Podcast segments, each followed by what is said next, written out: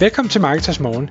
Jeg er Michael Rik. Og jeg er Anders Saustrup. Det her er et kort podcast på cirka 10 minutter, hvor vi tager udgangspunkt i aktuelle tråde fra formet på Marketers.dk. På den måde kan du følge med i, hvad der rører sig inden for affiliate marketing og dermed online marketing generelt.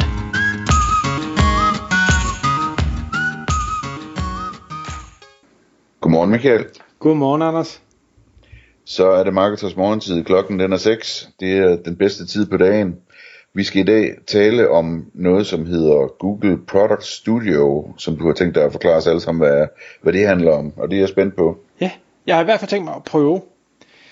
Jeg faldt over, og det var meget, meget tilfældigt, en artikel på TechCrunch, der nævner det her Google Product Studio, som Google åbenbart har fremvist på deres Google Marketing Live event i slut maj. Og grund til, at jeg fandt det fascinerende, det er fordi, aha, det handler om AI-agtigt. meget, meget overraskende.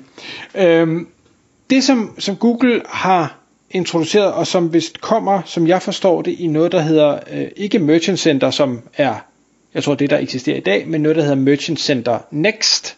Og igen, jeg er ikke super meget inde i, i Merchant Center Brug, så det kan godt være, at Merchant Center Next allerede eksisterer, men som jeg forstår det, så er det noget, der kommer her hen over sommeren, sensommeren rullet ud i USA, og derefter forventeligt til, til resten af verden, og sikkert øh, de store øh, hvad hedder det, annoncørkonti først, er mit gæt. Det som Google øh, har set, øh, at de kan give værdi ved til øh, alle de her øh, merchants, det er produktbilleder, hvor, øh, og det er specielt i forhold til Google Shopping, at produktbilleder er en stor del af både shoppingoplevelsen, det er en stor del af det, af det at drive e-commerce virksomhed. Så de har gjort, øh, lavet sådan et, et gratis værktøj, hvor man kan for det første fjerne baggrunden. Det kan man sige, der er jo ikke noget revolutionerende i noget af det her, men det har bare ikke været en integreret del, så der har man skulle bruge eksterne tools før. Men ikke nok med, at man kan fjerne baggrunden, så kan man også nu tage og sætte andre baggrunde på via en prompt de har et, et eksempel på, på TechCrunch, hvor de har en eller anden creme med fersken kerner i, eller eller andet den stil, og hvor de så har en, en tube øh, af den her creme, og så kan man så sætte baggrundsbilleder på, hvor den her cremetube står på en, en lavasten, eller en, en flot træbordplade, eller et eller andet, og så er der nogle ferskner og sådan lidt hemstergems i baggrunden. Øh, og igen, ikke noget revolutionerende, det er jo det, man, man kan sige, man har kunne i mange af de andre AI-tools, der er lige nu, men jeg synes, det er meget fedt, at Google vælger at sige, lad os få det med ind i, i paletten, for det giver god mening for øh, brugeren. Det gør også jo, at der pludselig er mange penge potentielt at spare for de her e-commerce virksomheder, i stedet for at man skal ud og have taget et nyt billede, og man skal ændre belysningen, og man skal have en anden baggrund, fordi at nu er det ikke længere sommer, nu er det vinter, så man vil gerne have et, et vinterlandskab bagpå, eller man vil gerne lave et, øh, et, et højtidsbillede, et julebillede, måske lidt sne, der falder ned over, eller hvad ved jeg, man kunne finde på. Så har man pludselig mulighed for at gøre det lynhurtigt her, og det ser, synes jeg, super lækkert ud, det de ligesom øh, de viser. Men det jeg så kom til at tænke på også, det er sådan, nå ja, men hvordan kommer det her egentlig så til, eller hvad, hvad kommer det til at påvirke? Øh, det kommer selvfølgelig til at påvirke de her e-commerce virksomheder i en eller anden positiv retning, øh, bortset fra, at de jo så skal til at forholde sig til, nå, nu skal jeg sidde og lave billedredigering inde i Merchant Centeret i stedet for i Photoshop. Er det den samme person? Der, altså skal jeg have min, hvad hedder sådan en grafiker, eller øh, ja, jeg ved ikke engang, hvad sådan en titel hedder i dag, Øhm, er det dem, der skal gøre det, eller er det PPC-folkene, der nu skal sidde og gøre det selv? Eller hvordan, hvordan skal det struktureres? Det, det, er sådan lidt, det skal man jo lige have fundet ud af. Jeg sidder altså og tænker på, at øh, hvis jeg nu havde en webshop med, med 20.000 produkter, så ville jeg nok øh, foretrække at redigere billederne tættere på kilden.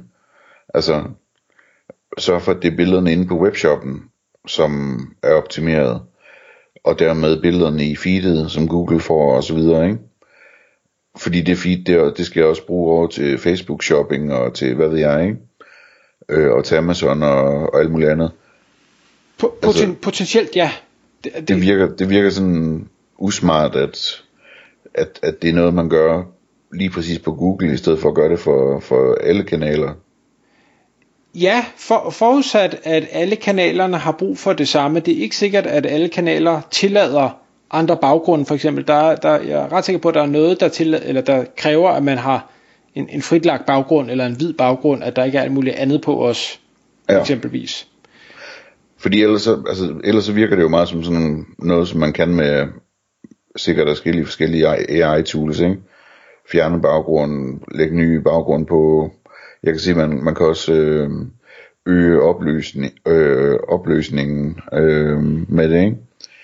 Altså, øh, det, jeg tænker bare, det, det vil jeg da gøre ved kilden, i stedet for øh, inde på den, den her underdel af min marketing. Ja, men vi, vi er meget enige, og det, det er en rigtig god pointe, om man kan tage det forfinede øh, feed ud, eller de forfinede billeder ud, og så bruge på en eller anden måde, det, det skal jeg ikke kunne sige, øh, men, men, men det er en god pointe, at det ville nok være smart at gøre det et andet sted.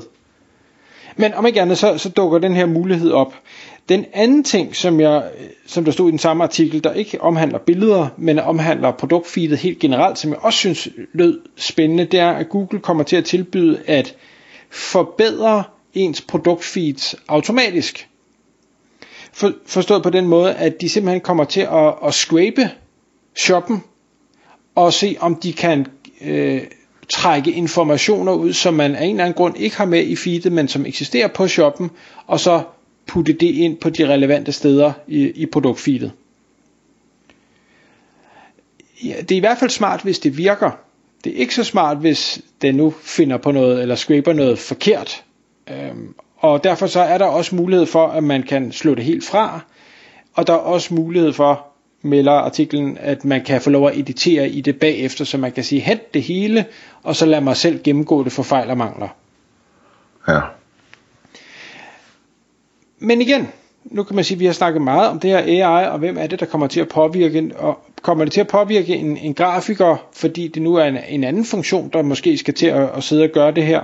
Det er meget sandsynligt. Kommer det til at påvirke produktfotografer, når man nu måske nærmest kan øh, tage billeder med en, en mobiltelefon eller smække det ind i en eller anden kasse, og så kan al redigering ske øh, AI-baseret.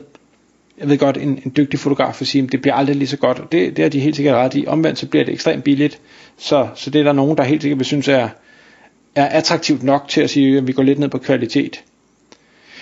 Så, så er der sådan nogle som, øh, hvad hedder de, Data Feedwatch og andre feed optimerings, forbedrings, forfiningstools, jamen Google er jo en af de helt store spillere, Facebook er en af de helt store spillere, jeg gætter på Facebook, hvis ikke de har det, så kommer de med noget tilsvarende.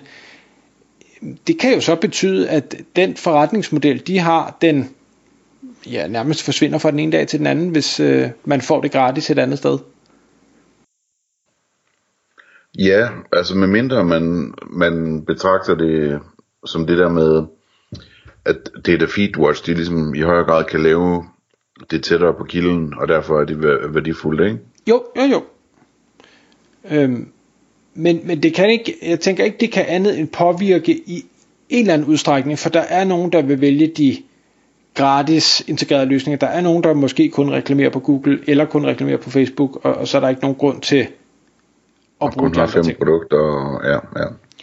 Øhm, og, og det her er jo kun starten. Man kan sige, Google øh, har jo været synes jeg, lidt, lidt langsom i forhold til det her AI.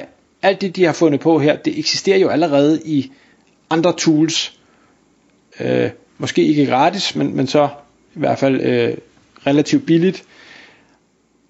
Og, og nu siger jeg fotografer, jeg siger grafikere, jeg siger øh, data feedwatch øh, services. Jeg er sikker på, at der er 10 funktioner, stillinger, softwaretyper, som det her det kommer til at påvirke, som jeg ikke lige kan komme på.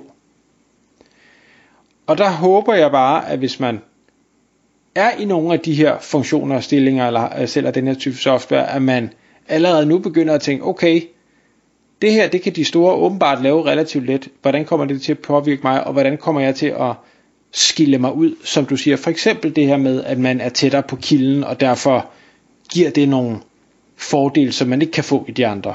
Det, det synes jeg faktisk er et rigtig godt øh, sales point, hvis man skal sige sådan. Ja, ja. Så, men hvornår det kommer til Danmark, det må vi jo se, men formentlig i løbet af, af 2023, og så, øh, så kan det være, at jeg kan blive en lidt klogere på at se det øh, in action. Tak fordi du lyttede med.